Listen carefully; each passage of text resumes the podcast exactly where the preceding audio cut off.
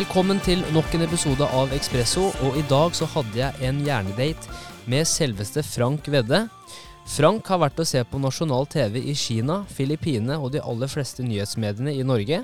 Han har skrevet bøker som Tallgeni, Ligg et hode foran, Tolv ferdigheter du trenger før robotene tar over. Og det han jobber med, er å tilby mennesker en praktisk brukermanual for hjernen deres, som vil ha en stor påvirkning på både karrieren, det personlige liv og selskapene de jobber for.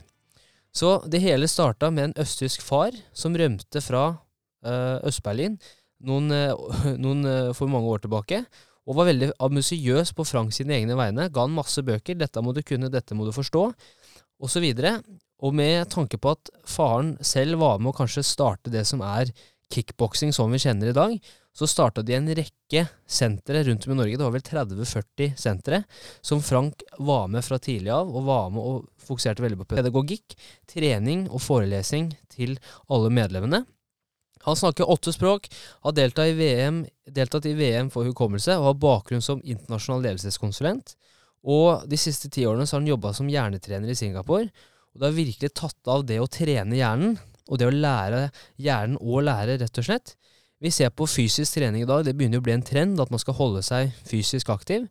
Og Frank mener at framover så kommer det med hjernen å være enda mer viktig pga. at vi blir bombardert med impulser hele tiden. Dopaminrush 24-7. Forstyrrelser hvert tredje minutt.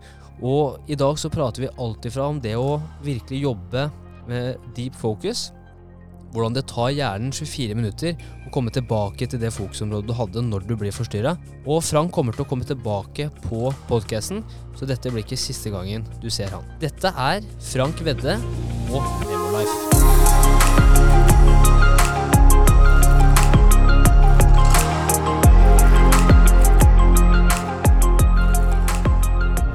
Guten Morgen. Einen sehr guten Morgen. Wie geht's? Uh, sehr gut. Uh, ich denke, diesen Situationen uh, ab ich sitting down with you. Frank, der var vi ferdig. Der, ja, den tyske der fra videregående, jeg merka den du, Så lenge du er funksjonell, at du klarer å gjøre deg forstått, ja. Så tror jeg man skal gi totalt blanke i grammatikk og uttale av de reglene. Bare gjør, altså, gjør, gjør, deg forstått. Ja. Ikke sant? Så du forsto meg nå? Ja, jeg gjorde det. Vi er jo godt i gang med hjernedate nå, er vi ikke det? Jo, kjempebra. Så jeg har vanligvis når eh, For jeg jobber jo også mye mot Vi jobber som sagt i og så der er det et, um, mye med våre engelske kunder. Ah. Og jobber med engelsk team, og der er jo jeg uh, nordmannen som kommer med litt sånn uh, ja, avslappet engelsk, for å si det sånn. Og da får man høre det hver gang, men jeg tror så lenge de forstår meg, så er det det viktigste. Så, så kan du skape litt latter og litt stemning, Yes. og så, lenge man kan bjuda. Bjuda Ja. litt på, bjuda på seg selv. og og det er litt av det vi skal snakke om i dag også. Det er kanskje ikke ta seg så alvorlig, for det blir plutselig et mønster i hjernen. dette. Det blir det. At vår styrke blir plutselig vår svakhet. Ja. ja, men det er ganske interessant, for jeg husker her om dagen nå, så, så tenkte du har jo uttrykket 'kick ass', ikke sant? Så jeg tror jeg, Vi satt i et møte med teamet, og så klarte jeg å påstå å si at istedenfor 'kick ass', så sa jeg 'This is great, guys. We are finally smashing ass'.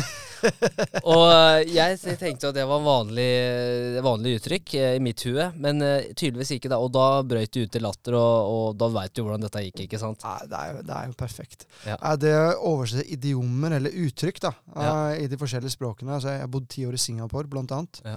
Og de fleste engelske uttrykk der altså, Walk in a park. Uh, how come you must walk in park? Huh? Why, yeah. why you always say walk in park? yeah.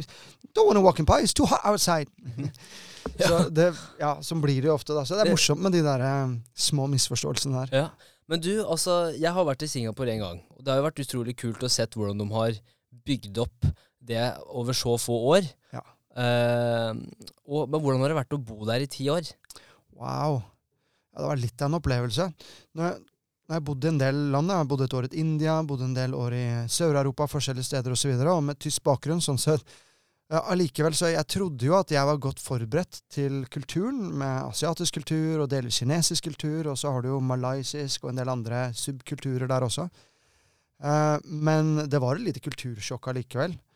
Eh, måten man Altså i motsetning til en tysker, eh, som da tolker at dersom du ikke eh, er rett på sak, så kan man ikke stole på deg. Eh, så er det det helt motsatte der. At der må du, man, Hvis man er rett på sak der, så får du en, får du en fiende for livet.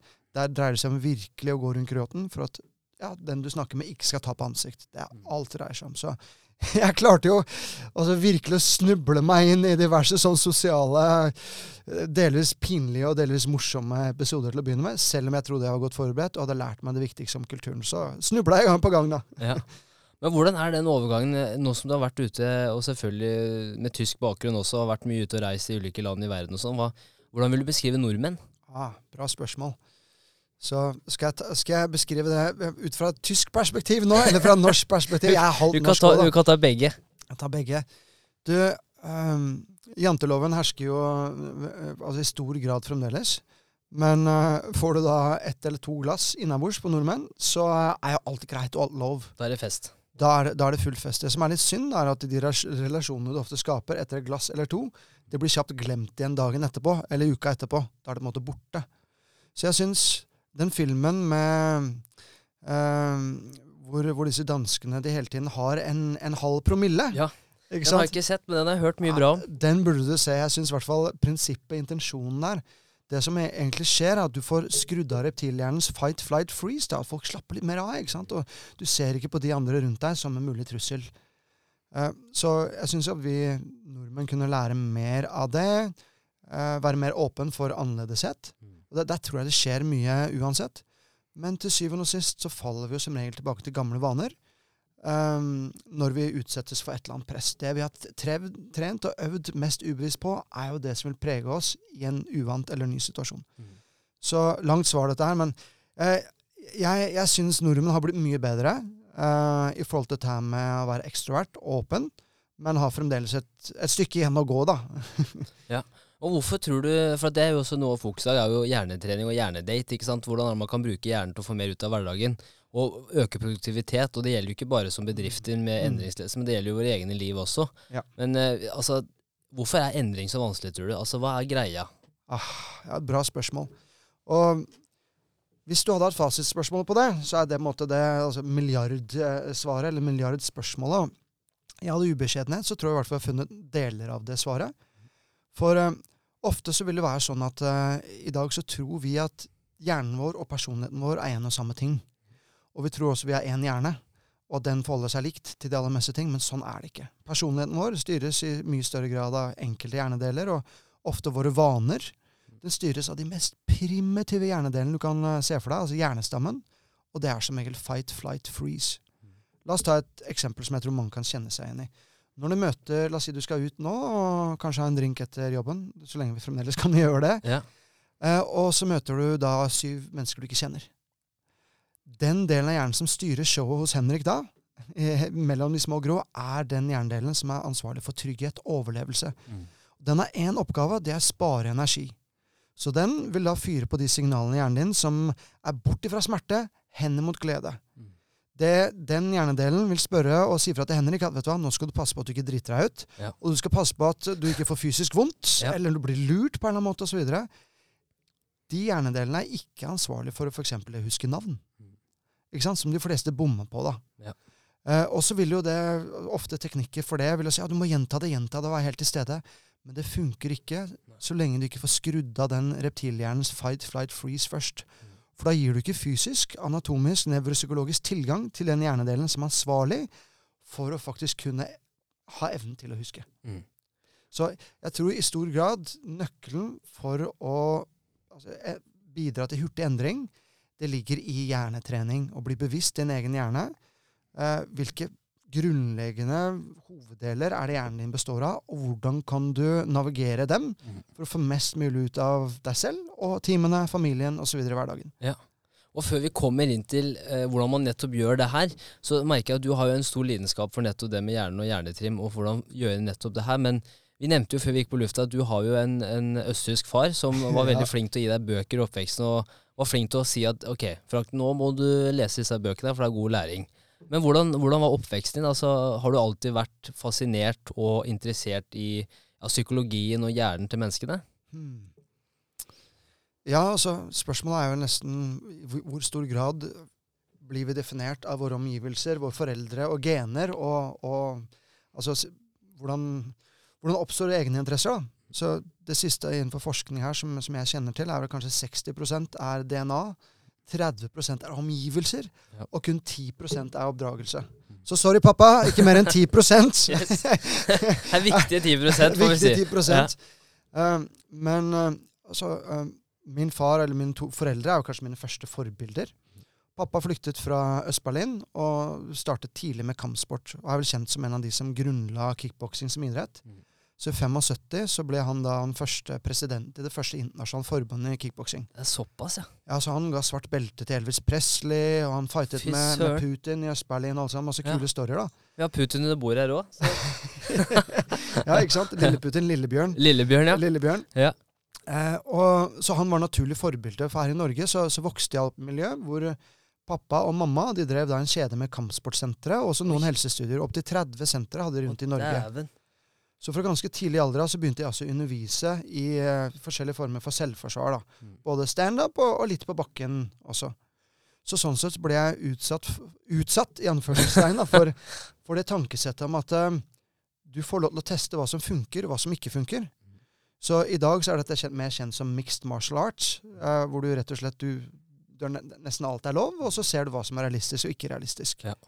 Så sånn sett, det tankesettet der, det begynte ja, pappa og mamma egentlig ganske tidlig med å utsette både broren min og jeg for også, for å se altså, hvordan kan du huske mer, hvordan kan du løse ting på en annen måte, eh, hvordan kan, kan du kanskje kommunisere ting på en annen måte, osv. Og, uh, og veldig mye var gjennom prøving og feiling, og jeg skal love deg, det var mye feiling. Ja. Men når du plutselig opplever at um, det å feile ikke er så farlig, da. Mm.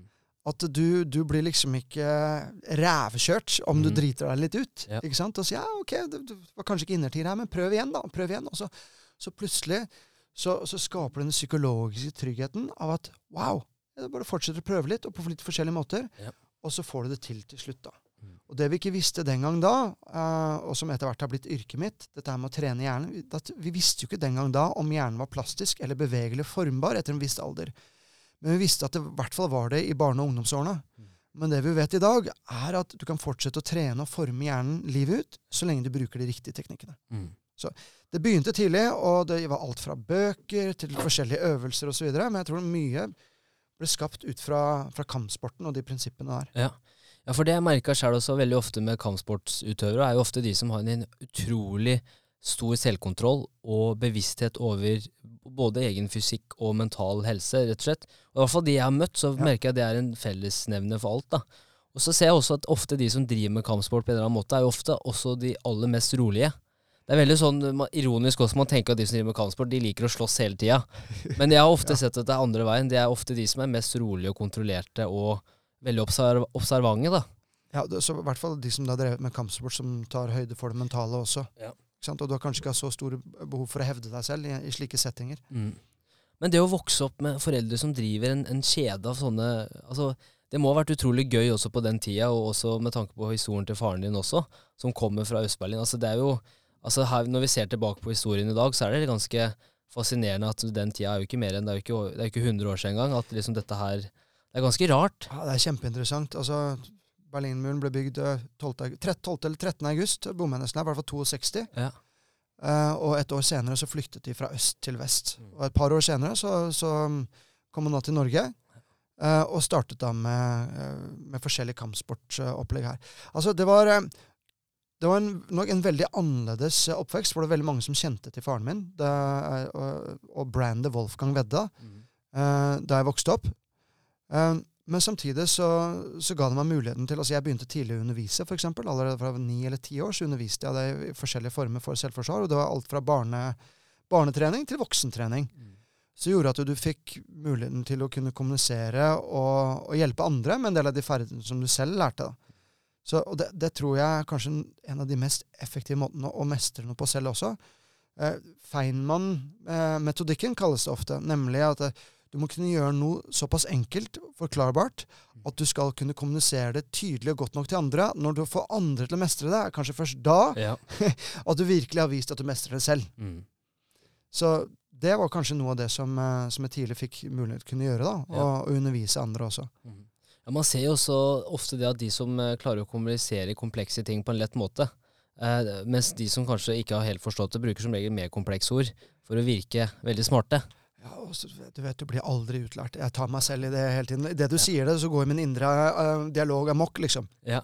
Apropos det å ikke forklare mm. ting komplisert, og prøve hele tiden og så gjøre det enklere og enklere. Ja. Men ja, lykkes du noen ganger, og noen ganger så lykkes du ikke. Da får du bare prøve på en annen måte neste gang. da. Ja.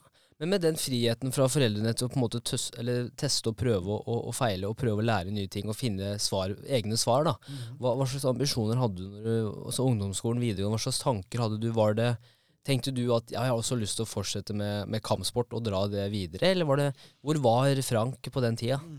Du, eh, det var nok mye meninger til moderen og faderen som styrte hverdagen. De var gründere. og Jeg begynte å jobbe fra ganske ung alder også, bidra. Så sånn så levde du måte, visjonen og misjonen til familieselskapet, da, med alle disse sentrene og alt dette her. Men så, som halvtysk, så og, mente både moderen og faderen at uh, den norske skolen, det var ikke bra nok. Så de sendte meg på tysk skole. Og jeg kunne ikke tysk, jeg kunne ikke fransk, ikke latin. Ja. Og jeg lå nesten, nesten, to år etter i pensum, selv om jeg var ett år eldre, eldre enn de andre i klassen. Så som tolvåring så begynte jeg da på tysk skole. Uh, og i den forbindelse så begynte jeg å få en del sånne bøker og ble sendt på diverse kurs osv. Og, så og så oppdaget jeg at vet du hva? En del av disse teknikkene er for mindmapping, husketeknikking, hurtiglesing, NLP, kreativ problemløsning, Edvard de Bono, Tony Bussan Mange av disse miljøene her, de snakket ikke sammen i det hele tatt. Så det ble en slags sånn uh, mental martial arts. da. I det øyeblikket du begynte å kombinere disse teknikkene sammen, så skjedde det noe magisk. Nummer én så opplevde jeg at nesten at jeg ble litt hekta. Ja. Fordi du fikk til lynlæring og hurtig mestring. Så både broren min og jeg, da, som pendlet da fra Heggedal inn til Oslo hver dag, vi satt og hadde konkurranse om hvem som kunne memorere på en morsom måte, spille oss gjennom nye eh, altså lister med gloser. Ja. Og vi lå vel i perioder da på snitt 100 nye gloser hver dag, kun ja. mens vi satt på toget. Ja.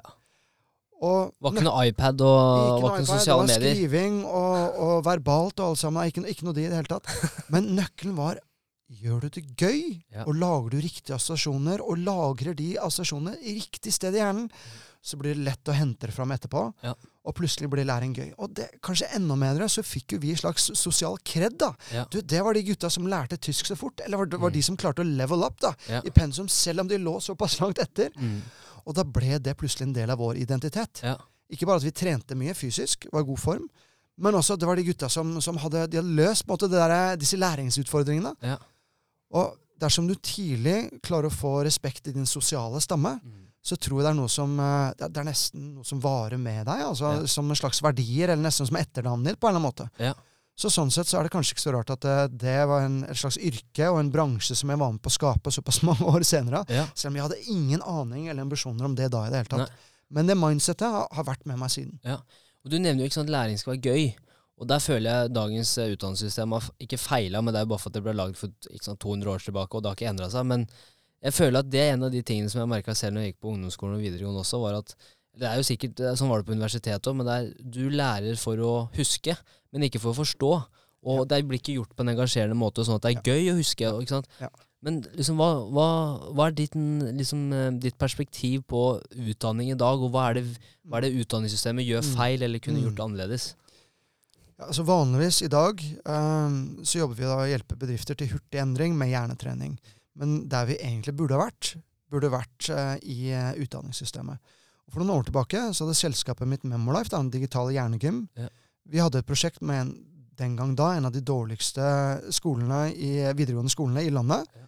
Og så fikk vi med NRK til å lage en reportasje. Det så jeg. Det klippet så jeg. Ja, du, du så det, ja, det, det syns jeg er helt rått. Ja, det er, det er, rått. For du har gråtende elever, og folk, altså eleven som sier 'jeg trodde jeg var dum', osv. Ja. Ikke sant? Og eh, så har du da bare på én, det var på en time eller to, var jeg innom. Hadde, hadde da en session med lærerne og en session med elevene. Og så skulle elevene da en periode etterpå bare spille seg eh, lynrask eh, med morsomme hjernehacks. Ja. Og 80% av elevene gikk opp med en karakter til eksamen. Nei. Men så kom utfordringen her, da.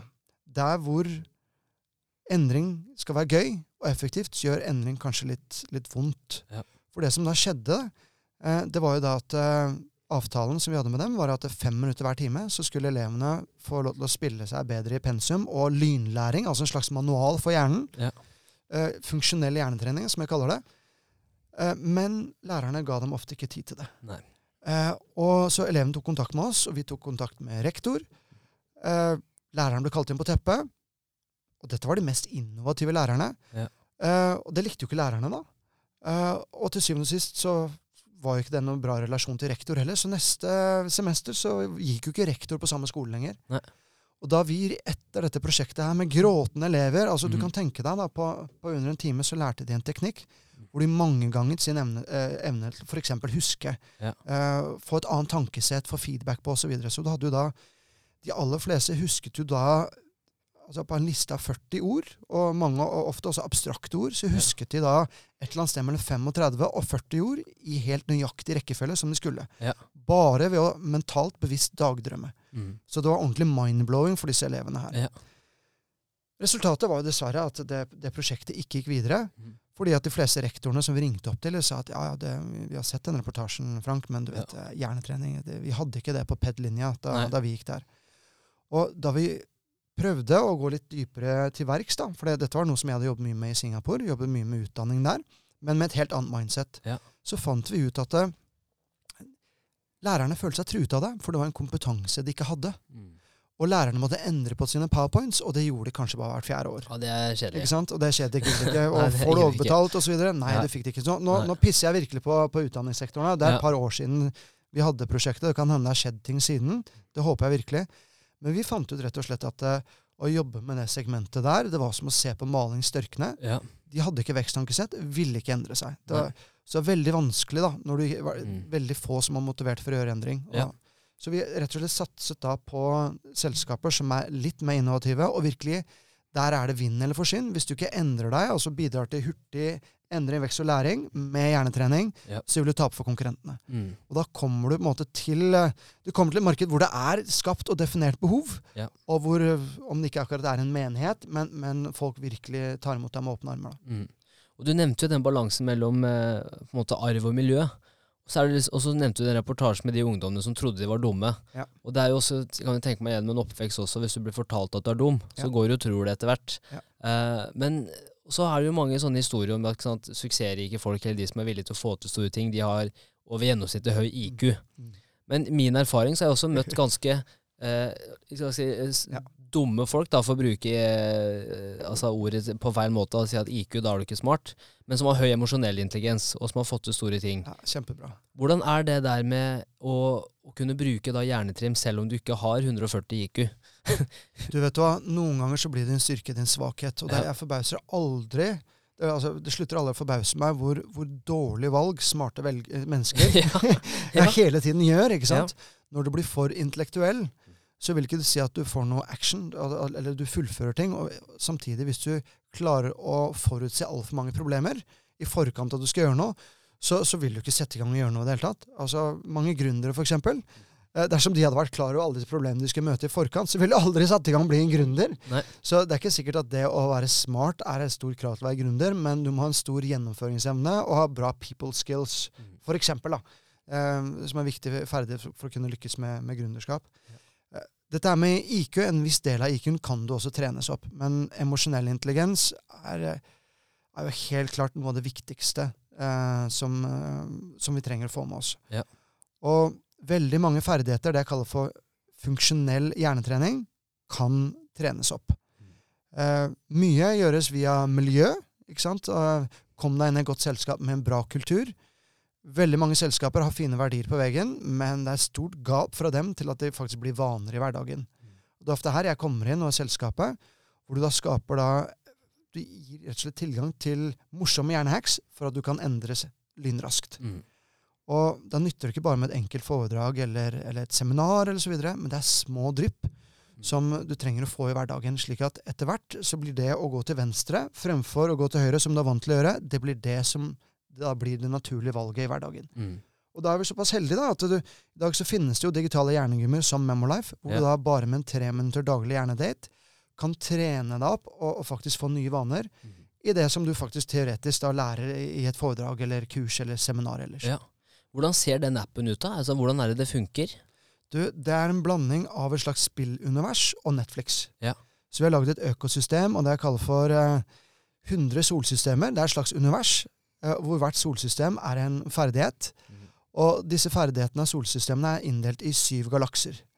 Eh, og da har du rett og slett en treminutters hjernedate hvor du lærer små ting. Det kan f.eks. være fremtidsferdigheter som fokus, kreativ problemløsning, eh, nevrokommunikasjon, eh, lynlæring, vaneendring, selvfølgelig. Eh, hva med tankesett, veksttankesett eh, og slike ting? Og gjør disse miniøktene her korte nok, ca. tre minutter, da har vi funnet ut at der er det et eller annet magisk som skjer. Ja.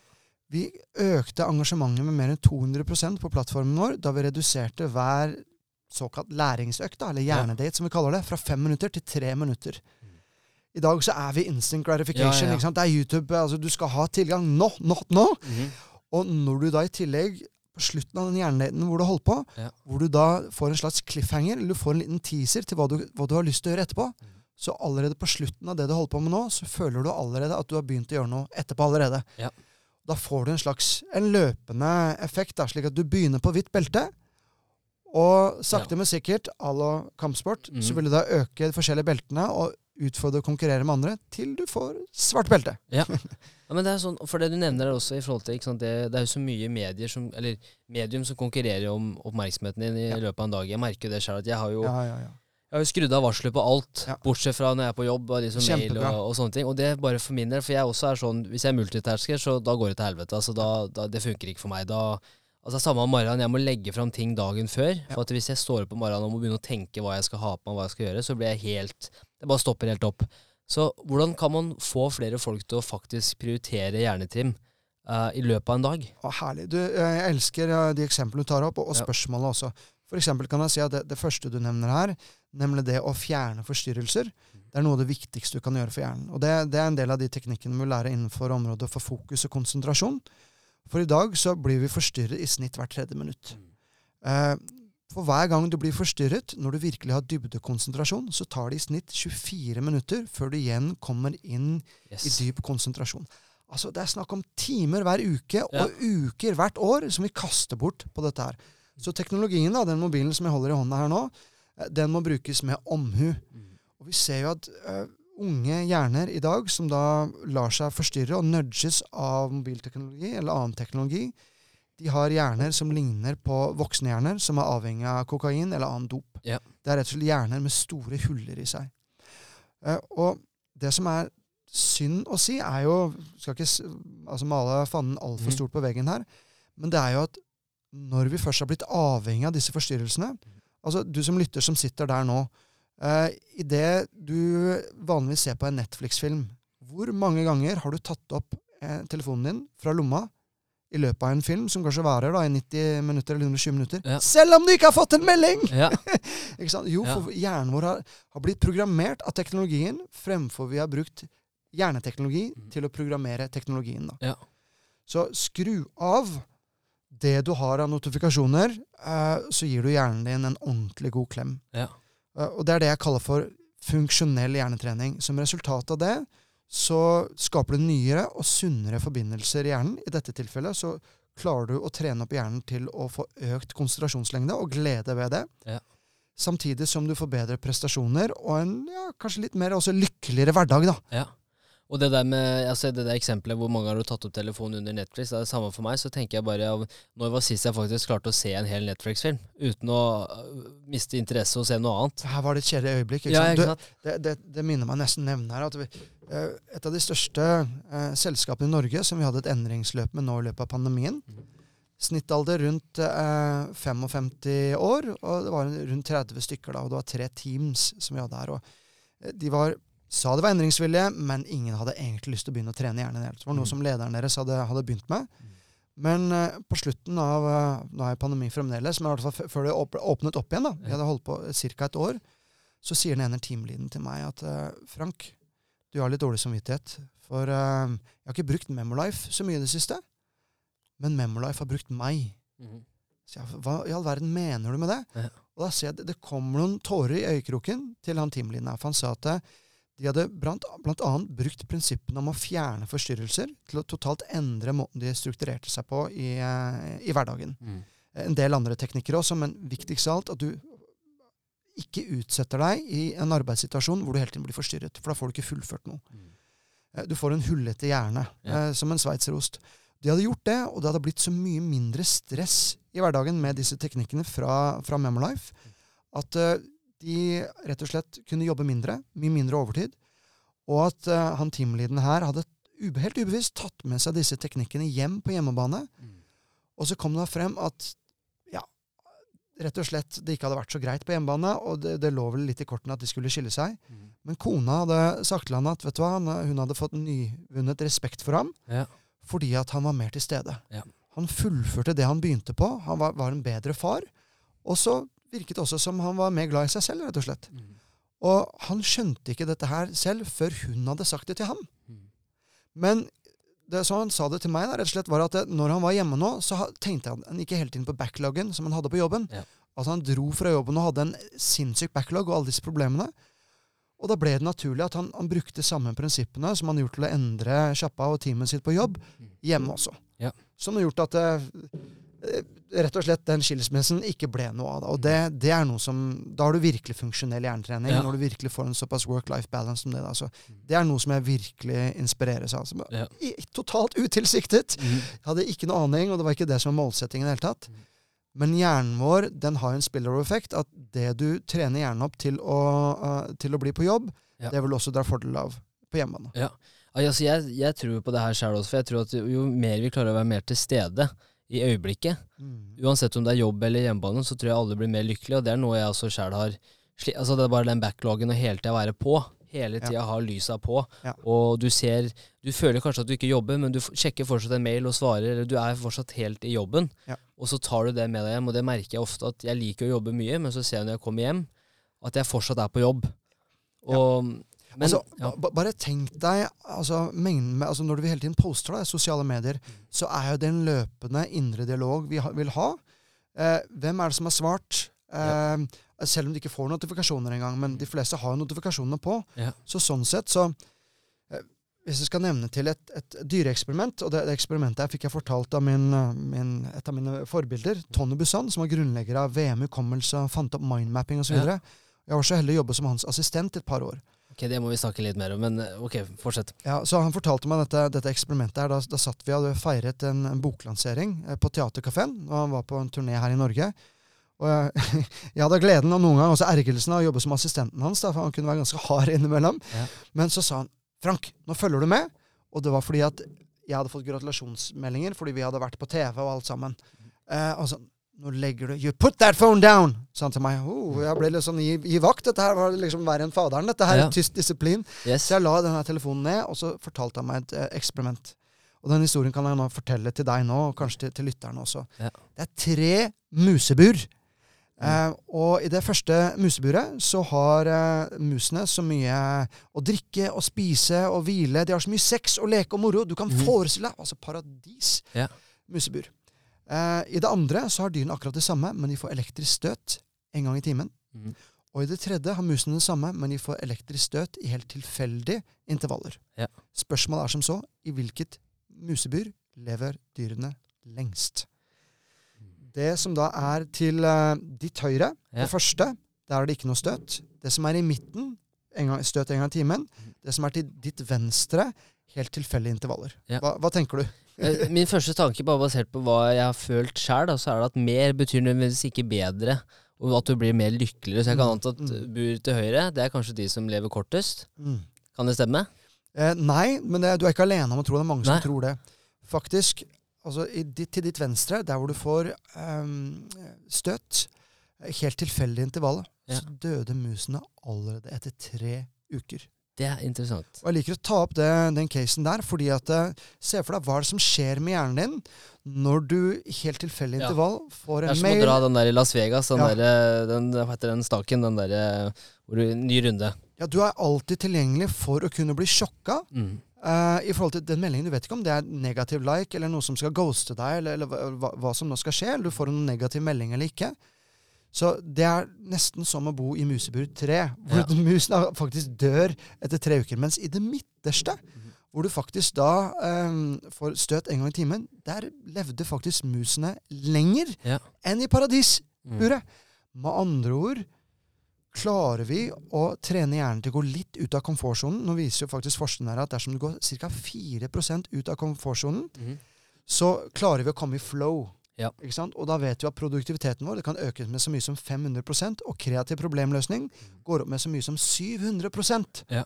Satt det litt på spissen, ja, ganske, da. Klarer du å være i flow hele tiden, så trenger du kun jobbe én dag i uka. Ja. ikke sant? Ja, men det gir mening. Det gir så mening, for det er jo, og særlig nå et annet eksempel eh, som er veldig relevant, det er jo at etter at det åpna opp nå, og du dro tilbake på kontoret, så merker jeg at jeg er veldig glad for at jeg har de her, Ja. med noise cancelling. Fordi at eh, jeg skjønner jo at Altså, jeg er en sosial fyr selv også, men nettopp det du sier med forstyrrelsene, at når du alle skal ha tak i deg hele tida, Ja.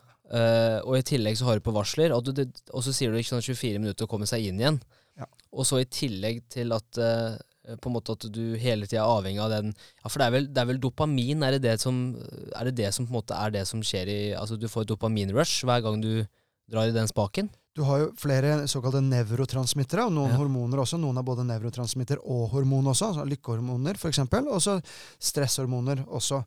Eksempel, eh, det du drar i den, altså den spaken. Du Ja. har to varianter av den. Det ene er hvis du får en melding her nå, mm. så kan det plutselig være en stressende melding. I så fall går kortisol, altså stresshormonet, det går Ja. gjennom taket. Mm. Eh, Og det som er litt crazy, det som skjer da, når kortisolproduksjonen din spiker sånn som dette her, mm. bare som å knipse, så synker arbeidshukommelsen din fra å huske ca. syv elementer om gangen til fattigslig to elementer om gangen. Og det du som regel husker, er fight eller flight. Mm. Det er Ja. overlevelse. Det er det som er primærfunksjonen til hjernen din. Du skal overleve. Ja. Det er ikke viktig å være lykkelig for hjernen din. Nei. Bare overleve. Mm. Så, så ofte det du tror er da strategier som er for at du skal være designet for å ha et lykkelig liv. Nei, hjernen bryr seg ikke om det. Nei. Den skal kun sørge for at du overlever. Mm. Ikke sant? Eh, det andre er jo dette her med de såkalte altså dopamin, noen ganger serotoninrush også, som er to Ja. lykkenevrotransmittere. Så særlig i forhold til sosiale medier, så, så vil du ha en del av dette her til å begynne med. Mm. Men etter hvert så ser du at du blir avhengig av å få dette her, men du opplever ikke lenger rush av dopamin Mm. eller serotonin. Ja. Så det er en, en avhengighetsdannende mm. eh, eh, handling Ja. som blir en vane, Mm. uten at du får noe Effekt. Får, du får ikke noe lykkeeffekt av det. Mm. Men du får det nesten som altså, heroinmisbruker. De sier Ja. jo det at eh, Nei, jeg får ikke noe rus lenger, men jeg får jævlig vondt. Jeg blir ordentlig syk hvis jeg ikke får det. Ja. Ikke sant? Og tilsvarende så får vi en avhengighetsfølelse av sosiale medier. Du får mindre og mindre glede, Ja. men du får mer og mer smerte dersom du, du fjernes fra det. ja. For det er litt samme som med kaffe. Altså Jo mer kaffe du drikker i løpet av dagen, dag, jo mer trenger du for å få samme baseline eh, liksom framover. Helt klart. Ja. Nei, det der, altså, jeg bare merker det sjæl, hvis det har vært noen ganger hvor Hvis det har blitt mye på sosiale medier, og særlig jeg ønsker for med podcast, så ønsker man jo å bygge en følgerskare, man syns det er moro. Klart. Men så merker jeg, etter jeg skrudde av alle varslene, det er natt og dag, for at nå er det jeg som bestemmer når jeg vil. Jeg blir ikke. Ja. ikke sant? Altså, det er nesten sånn der halleluja stemning Altså, man Ja. tenker ikke så mye over det hvis man ikke faktisk blir mer bevisst på hvordan man bruker dagen sin. da. Og, og den, den teknikken du nevner her med å fjerne forstyrrelser Du kan jo fjerne mentale forstyrrelser, du kan fjerne teknologiske forstyrrelser, sosiale forstyrrelser. altså Det komme tilbake på jobb igjen. altså eh, Det å jobbe med dybdefokusoppgaver i åpen landskap, glem det. Ikke sant? Det er Hvis ikke du er masochist, da. Ja. Du kommer til å bli forstyrret hele tiden. Og du kommer til å ha en følelse av at du ikke får fullført det du har begynt på. Yes. Og sånn sett så har du trent opp hjernen din til å forvente at du ikke skal fullføre. Mm. Du har trent opp hjernen din antageligvis til å rasjonalisere, og det er helt vanlig. Eh, og, men utad så har du også, kanskje også trent opp hjernen din til å kunne komme med unnskyldninger. For det er ikke sosialt akseptabelt å ikke fullføre det du har begynt på. Nei. Og da begynner det plutselig å bli et gap mellom det du faktisk gjør, og det du sier at du gjør. Såkalt imposter syndrome. Ja. Og det har vi alle sammen til en Ja. viss grad. Ja, uavhengig av hvor radikalt ærlig du er eller ikke. ikke sant? Mm. Og det, å- det å virkelig kunne å ha en mye altså mindre gap mellom den du faktisk føler deg som, da, og den du faktisk utgir deg for, det er jo en oppskrift for bedre mental helse. Ja. Mens måten vi ofte jobber på i moderne jobbsammenhenger, er ikke en hjernevennlig situasjon. Nei. Så mitt tips for eh, Sånn som jeg da sier, altså ofte hjelper selskapet med det å bli arbeidsglad i hybrid hverdag, Ja. er jo da å ta, altså Skal du ha ordentlig dybdefokusoppgaver som ikke er avhengig av tett samarbeid med andre, gjør det på hjemmekontoret Ja. med minimalt av forstyrrelser. Mens når det er kreativ problemløsning, samarbeid, kanskje eller noen andre ting hvor du virkelig trenger ordentlig det å føle at du er en del av sosiale stammen, at Mm. dine teammedlemmer kan pushe deg til å gå liksom det hestehodet lenger, Ja. så gjør det på jobb. Mm. Men sørg for at du har enkle rutiner med kanskje én til, en til to eller tre nye teknikker hver måned Mm. som du og teamet skal ha fokus på, slik at det dere skal forbedre på, ikke føles som en enorm oppgave. Små drypp, små nye utfordringer som gir store resultater hver måned. Ja. Det er det som eh, virkelig skaper reell endring. Skaper nye eh, altså forbindelser mellom de små grå. Mm. Men fremfor alt virkelig da kan måles på, på resultatoppnåelsen. Ja. Enten om det er økt salg, eller hurtigere fullføring av prosjekter, eller økt kundeverdi. For det er til syvende og sist det vi lever av i privat næringsliv. At vi faktisk le, le, altså lever verdig til, Mm. til, til kundene, da. ikke sant? Ja. Men eh, er du fan av åpen kontorlandskap eller individuelle kontorer? Eller den hybridmodellen, tror du også den kan gjelde når du er på kontoret? At eh, du har på en måte enkeltkontoret, men når du skal ut og ha mer work, eh, altså co-working og sånn, så kan du heller gjøre det. Jeg, jeg tror vi skal løfte litt opp, da. Hvorfor, var det, hvorfor begynte vi med åpne landskap? Mm. Så tror jeg det var, det var litt todelt. Jeg tror intensjonen bak det var bra. For når du sitter ved siden av noen, så er det lettere å slenge ideer eh, altså seg imellom osv. Men samtidig så tror jeg også det var noen økonomer og noen ledere som tenkte at det er mye lettere å få oversikt over folk. Ja. at ingen som ingen, som- Ingen Ikke noe unnasluntring nå, Ja, ikke ikke noe lukkede dører osv. Ja, ja. Og da, det er jo den andre siden av dette her igjen, for da har du ikke tillit. Og uten tillit så får du ikke psykologisk trygghet. Da er det reptilhjernen, fight, flight, freeze, som styrer showet. Ja. Ikke sant? Så hvis du blir tvunget inn i en åpen landskapsstruktur basert på manglende tillit, da er du fucked uansett. ikke mm. sant? Mens hvis det er der ut fra mer den vennlige intensjonen, at her skal det bedre samarbeid, så er det i hvert fall en god intensjon. Men dessverre, the road from here to hell is paid with good intentions. ikke sant? Ja. Eh, og det er dessverre, tror jeg også, det, sånn som man kan definere dette med åpen landskap om også. Ja. Det er ikke one size fits all. Bruk gjerne åpen landskap eller større møterom når det skal være idémyldring, det er kreativ problemløsning, eller du virkelig skal pushe hverandre, og alle jobber kanskje mye med de samme tingene, slik at du kan være i en slags teamflow. Ja. Dette finnes også en del forskning på, hvordan du kan oppnå teamflow med. Eh, apropos fun facts. Morsomme når du oppnår enten individuell flow eller teamflow, er at du skrur av en del av den prefrontale loben, noe som er den orbofrontale loben. Mhm. Og det er her også den såkalte indre kritikeren din bor. Altså Ja. den negative indre dialogen. Så forutsetning faktisk at du skal havne i flow, altså virkelig få superproduktivitet og superkreativitet, mm. det medfører faktisk at du ikke kan ha samme negative indre dialog. Og hvis du da er i et åpent landskap med folk som jobber annerledes, eller er superkritiske, mm. så vil det drepe flowen din, og det vil Ja. drepe produktiviteten din, og det vil drepe samarbeidet. Ja. Så teamsammensetningen mm. i åpent landskap er vel så viktig som det åpne landskapet og de oppgavene du jobber med. Ja. Fader, det der er eh, Det der er Det gir mening når du sier det. Det gjør det. Men de som For man snakker jo ofte om growth og fixed mindset. Ja. Og til de skeptikerne da, som sitter der og tenker at dette høres, høres bra ut, Ja. men jeg tror at jeg er skapt på én måte, og jeg kan ikke endre meg. Ja. Hva sier du til de? Ja, Herlig. Du vet, så, eh, det jeg vil si til deg, da La oss eh, Skal vi gi vedkommende et navn? Ja, eh, la oss si eh, Toralf.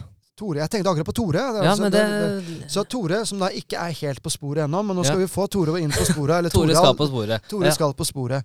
Så vil jeg si at eh, hvis du nå er Tore, da, vi later som det er nå, så Yes. eh, Du, eh, innimellom i, i jobben din kan det hende at du kanskje trenger å ta noen presentasjoner foran en folkemengde eller noen kunder og alt sammen. I hvilken grad syns du det er gøy å holde presentasjoner foran andre? Nei, jeg syns jo Nei, sorry, jeg bare tenkte Jeg tenkte Tore på sporet. ja, ja, ja, klart, klart. Nei, og så Nei, Nå ble jeg helt satt ut av Tore på sporet. Kan du si det en gang til? Nei, så, ok, vet du hva? Vi, vi, vi innbiller at han er der borte, da, imaginær person Tore Ja. her nå. Uh, la oss si at Tore ikke er så glad til å holde presentasjoner, Mm. f.eks. Ikke sant? Eh, og det vi jo vet, er at folk er mer engstelige for å holde en tale eller presentasjoner og snakke foran en folkemengde enn døden i seg selv. Ja. De, de frykter det mer i hverdagen. Det blir litt sånn som Jerry Seinfeld, da, som hadde den sketsjen hvor han sier at eh, Så hvis den forskningen stemmer, så vil du heller ligge i kista enn å holde begravelsestalen. Det gir jo ikke mening! Ikke? Men hjernen vet ikke forskjell på fantasi og virkelighet. Så Tore gruer seg kanskje da til å holde en firmapresentasjon. Såpass at bare han tenker på det, så blir han svett Mm. i, i, i hendene. Eh, Tørr i munnen. får tunnelsyn og begynner å spenne seg i kjevene osv. Altså han får en fremtidshukommelse. Så en forestilling om noe som ennå ikke er skjedd, det er bare fantasi, Mm. har plutselig blitt virkelighet for Tore allerede. Og det i seg selv er jo faktisk et bevis på at du via tankens kraft klarer også å skape en virkelighet her og nå, som i utgangspunktet bare er fantasi, men den fantasien manifesterer seg såpass til at den blir ekte for deg her nå. Det kan du måle. For i forhold til stressignaler og mangel på dopamin og kortisol som går opp osv. Tilsvarende så er det ganske enkelt å lure hjernen til å endre seg lynraskt med noen morsomme hjernehacks. Så jeg tenker kanskje at hvis vi later som du nå er Tore La oss, la, la, la oss glemme Tore, men jeg la- oss ta en. Jeg hjernehack, da. Ja, nå skal jeg bli bedre på rollen som Tore. Ja, Ja. ikke sant? Det er bedre. Så eh, Tore, uh, hvis jeg sier til deg at uh, i løpet av nå 90 sekunder så skal vi doble din hukommelseevne, Mm. vil du da tro at det er lettere for folk å endre seg hvis du nå på 90 sekunder klarer å doble din hukommelsesevne? Yes. Yes, da er du solgt på det. ikke sant? Jeg tror du får til det. Ah, Tidligere erfaring så, så tilsier at det er vanskelig for meg. Det er vanskelig for meg. Ja, men okay, da skal vi se, da skal vi se. Men du vet Ja. da, før vi setter i gang, så tar vi bare halvparten av tiden, og så skal vi varme opp hjernen litt. Ja. Er du glad i å dagdrømme, eller? Eller tar du deg Nei, vel, jeg tar meg selv og dagdrømme. Ja, det gjør jeg. Ok, vet du hva? Da varmer vi først opp hjernen med å dagdrømme. Klarer du å se for deg, apropos Putin, som er under bordet her nå, der det er bikkja, ikke sant? At Putin, ekte Putin sitter og dingler med beina fra uh, stortåa di. Ja. Fra stortåa mi. Ja, fra stortåa. Jeg glemmer henne. Ja. Og så på leggen din, der har du en canadagås som hakker løs. Ja. Så Såpass at blodet spruter. Oi, såpass. Er canadagås som hakker på kneskåla mi. Ja, nei, ikke på kneskåla. Men, sa jeg kneskåla? Men det var på, på leggen din. På leggen. På På leggen. leggen Ja. din, ja. Riktig. Mm. For mellom knærne dine så sitter nemlig Trump. Han prøver å spre de bena fra hverandre. Ja. Ja, Det ble nesten metoo, dette her. Altså. det Men det er greit. Grab them by the knees. Ja, Ja. ja grab them by the Ja. Eh, Ser du den for deg, eller? Jeg ser for meg Trump på et sted jeg ønsker, ønsker han ikke var. Riktig. Og rundt låret kan du merke og høre og se for deg Der har du kinaputter som er nesten limfast, og de smeller slik at det, Mm. det blir svidd hud. Ja. Glimrende. Og på beltet ditt der har du en haug med sånne små sambadansende figurer. Ja. eh, rundt hele beltet. Så kanskje de, du, du rister litt på hoftene av disse, Ja. disse smellene nedenfra for kinaputtene. da. Mm. Så et belte med sambadansere. Ja. Og ut av navlen, der har du en kenguru som kikker ut og sier hva, hva i all verden er det som skjer her, da? Mhm. Ser du det for deg? Ja. Ja?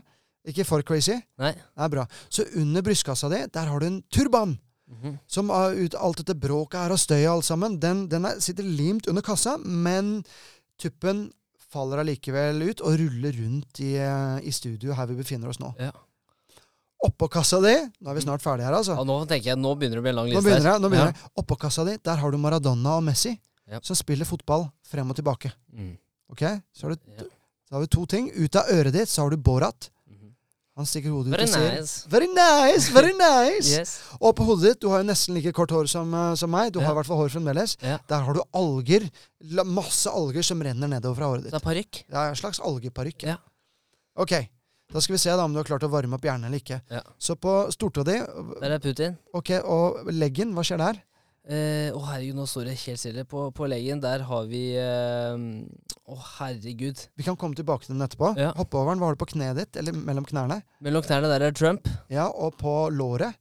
På låret er det kinaputter. Yes, og på hoftene. Uh, hoftene er uh, Hoftene er det belte.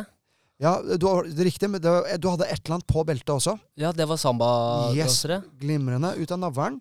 Ut av navlen, der kom en kenguru. Ja, flott. Hva skjer? Så under eh, kassa di, Det eh, en turban. riktig, oppå kassa, Da var Maradona og Messi som skulle Glimrende. Ja. og ut av øret. Ut av øret, eh, der var det Ah! Jeg vet På toppen så har jeg alger. Yes. Oh, very nice. Very nice, Yes. ikke sant? Ja. Så jeg vil gi deg ni og en halv av ti, da. Ja. Og det du nå har gjort, er at du også, uten å ha vært klar over det, har memorert rekkefølgen på de største landene i verden. ja. Det er ganske interessant. Putin, Russland, Canadagos, Kana- Canada, Trump, eh, USA osv. Helt opp til da alger på hodet, som er Ja. Algerie. Ja. Og vanligvis så, så sitter vi da Hvis du har en veld, veldig god arbeidshukommelse, så er det ca. rundt fem. Jeg sa det maksimale var syv i sted, men Ja. kanskje en, en, en bra above average vil være fem. Ja. Så nå har du da husket dobbelt så mye bare ved å bruke fantasi og dagdrømming. Ja. Og når du da får en slags sånn bonuseffekt, at du plutselig du har lært et eller annet som du ikke visste egentlig skulle lære engang, Hva hvis du til neste foredrag, eller seminar eller kurs du har vært på, hadde varmet opp hjernen med en tilsvarende øvelse, og automatisk hadde husket de 20 viktigste tingene som skulle vært takeaway fra hele dagen i dag. Ja. Dersom du nå skal gjenta hva du husker fra forrige kurs du har vært på, hvor mye tror du da ville huske? Fra forrige kurs? Ja, fra, Det kan Ja, være det, hva som altså, helst. du, det er faktisk et ganske godt spørsmål, for jeg tenkte i dag tidlig Ja. Så tenkte jeg å forberede meg til det intervjuet her. Så tenkte jeg sånn, ok, bare ta et eksempel av hva det jeg husker hvis det har vært et event eller noe som jeg har vært med Mm. Da hadde vi et sånt kurs i forhandlingsteknikk. Ah, Og altså, fra det kurset Ja. Jeg husker mye om temaet vi var Ja. innom, og det, for det kunne jeg fra før. mm. Men selve liksom hva vi gikk gjennom på kurset, og liksom Altså, det er nada. Ja. Ingenting.